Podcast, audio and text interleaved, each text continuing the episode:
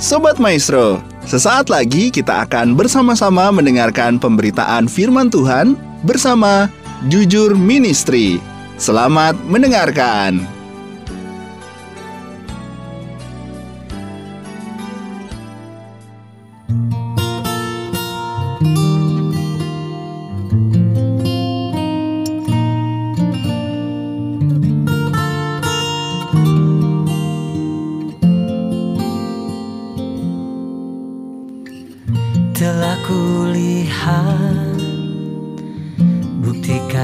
Kasihmu. Kau menderita gantikanku. Dengan darahmu Kau selamatkanku. Kini ku hidup menyenangkanmu. Terlalu besar kasihmu Bapa Pengorbanan yang kau berikan bagiku. Terlalu mahal darahmu Yesus Tercurah untuk menebus hidupku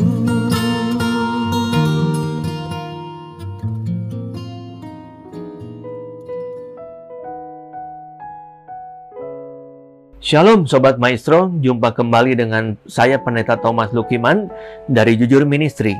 Visi dan misi dari Jujur Ministry adalah visinya melayani dengan kasih sesuai perintah kerajaan Allah, menjadi perpanjangan tangan Tuhan bagi orang miskin sesuai dengan ayat firman Tuhan yang terdapat di dalam Galatia pasal yang kedua ayat yang ke-10, di dalam Yohanes pasal yang ke-6 ayat yang ke-11, dan di dalam Matius pasal yang ke-25 ayat yang ke-35 sampai ke-40. Misinya membantu mensejahterakan masyarakat yang miskin, membangkitkan empati bagi orang tua dan anak-anak yang memiliki gaya hidup berbagi dan memiliki hati yang berkemurahan. Baik sebelum kita akan mendengarkan perenungan firman Tuhan, kita akan memulainya di dalam doa. Bapa di dalam nama Tuhan Yesus Kristus kami mengucap syukur bila hari ini kami boleh menerima segala kebaikan-Mu dan anugerah-Mu yang berlimpah-limpah di dalam hidup kami. Biarlah melalui perenungan firman Tuhan ini kami boleh lebih mengenal pribadi-Mu.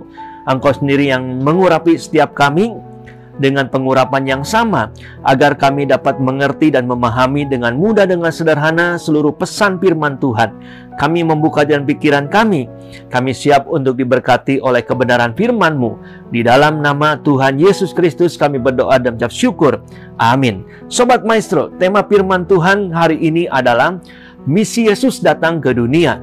Maksud kedatangan Yesus ke dunia ini tentunya memiliki maksud dan tujuan, atau dengan kata lain, ada visi dan misinya. Nah, pertanyaannya, apa maksud dan tujuannya? Apa visi dan misinya? Misi Yesus datang ke dunia yang pertama terdapat di dalam 1 Korintus pasal yang ke-15 ayat yang ketiga. Sebab yang sangat penting telah kusampaikan kepadamu, yaitu apa yang telah kuterima sendiri, ialah bahwa Kristus telah mati karena dosa-dosa kita sesuai dengan kitab suci.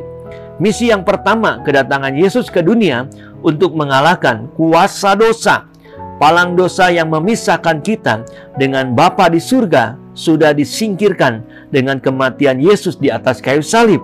Kita sekarang adalah anak-anak Tuhan kita memiliki akses yang terbuka untuk datang kepada Tuhan kapan pun dan di mana pun kita bisa bersekutu dengannya.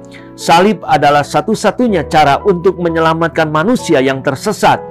Salib benar-benar dapat disebut sebagai tindakan kasih Tuhan yang terbesar bagi setiap kita.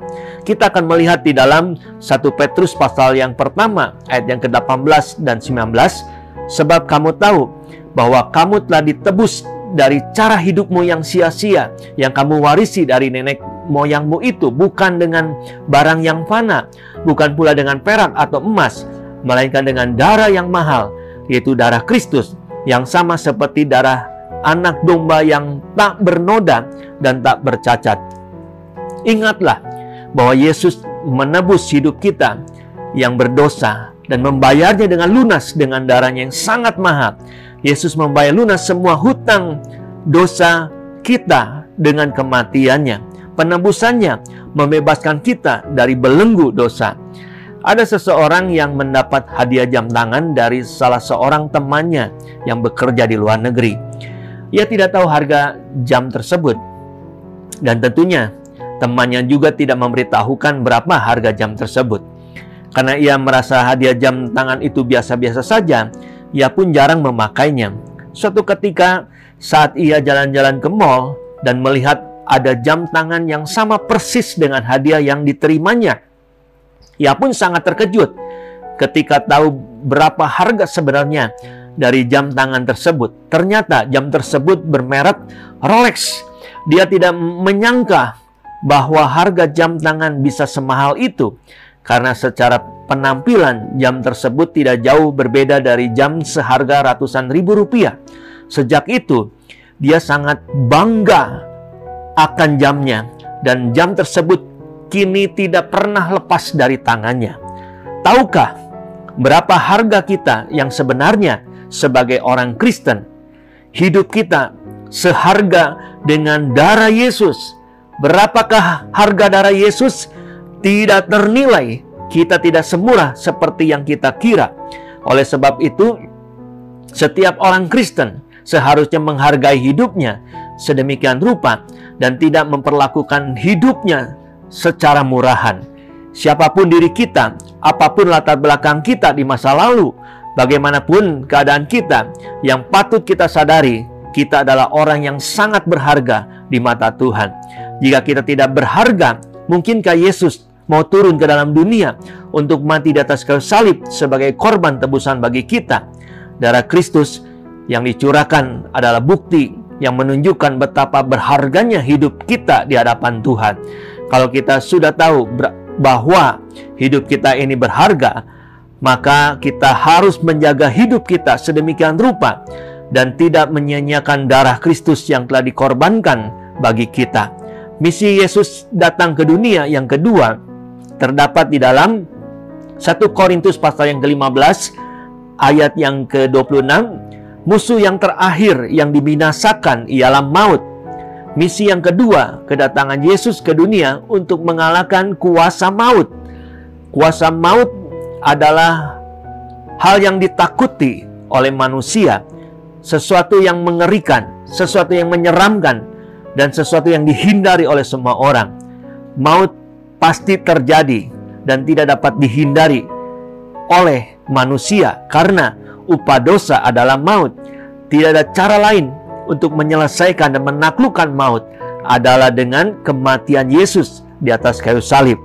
Dengan kematian Yesus di atas kayu salib, bukan hanya dosa pelanggaran hidup kita yang dihapuskan, tapi kita beroleh anugerah keselamatan dan kehidupan yang kekal di surga untuk selama-lamanya.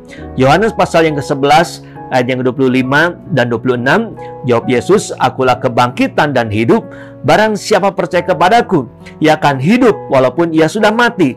Dan setiap orang yang hidup dan yang percaya kepadaku, tidak akan mati selama-lamanya. Percayakah engkau akan hal ini? Sobat Maestro, sadarilah darah Kristus yang dicurahkan adalah bukti yang menunjukkan betapa berharganya hidup kita di hadapan Tuhan. Kalau kita sudah tahu bahwa hidup kita ini berharga, maka kita harus menjaga hidup kita sedemikian rupa dan tidak menyanyiakan darah Kristus yang telah dikorbankan bagi setiap kita. Sadarilah kematian Yesus di atas kayu salib bukan hanya dosa pelanggaran hidup kita yang dihapuskan, tetapi kita beroleh anugerah keselamatan dan kehidupan yang kekal di surga untuk selama-lamanya. Mari Sobat Maestro, saya akan mengakhiri perenungan firman Tuhan hari ini di dalam doa. Bapak terima kasih bila hari ini kami boleh mendengarkan kebenaran firman Tuhan sebagai pesan dalam hidup kami, yaitu bahwa darah Kristus yang dicurahkan adalah bukti yang menunjukkan betapa berharganya hidup kami di hadapan Tuhan. Kalau kami sudah tahu bahwa hidup kami ini berharga, maka kami harus menjaga hidup kami sedemikian rupa dan tidak menyanyiakan darah Kristus yang telah dikorbankan bagi setiap kami. Kematian Yesus di atas kayu salib bukan hanya dosa pelanggaran hidup kami yang dihapuskan, tapi kami beroleh anugerah keselamatan dan kehidupan yang kekal di surga untuk selama-lamanya. Materaikan firman-Mu dalam hati kami semua, di dalam nama Tuhan Yesus Kristus kami berdoa dan mengucap syukur. Amin. Saya Pendeta Thomas Lukiman mengucapkan terima kasih dan Tuhan Yesus memberkati kita semua. Shalom.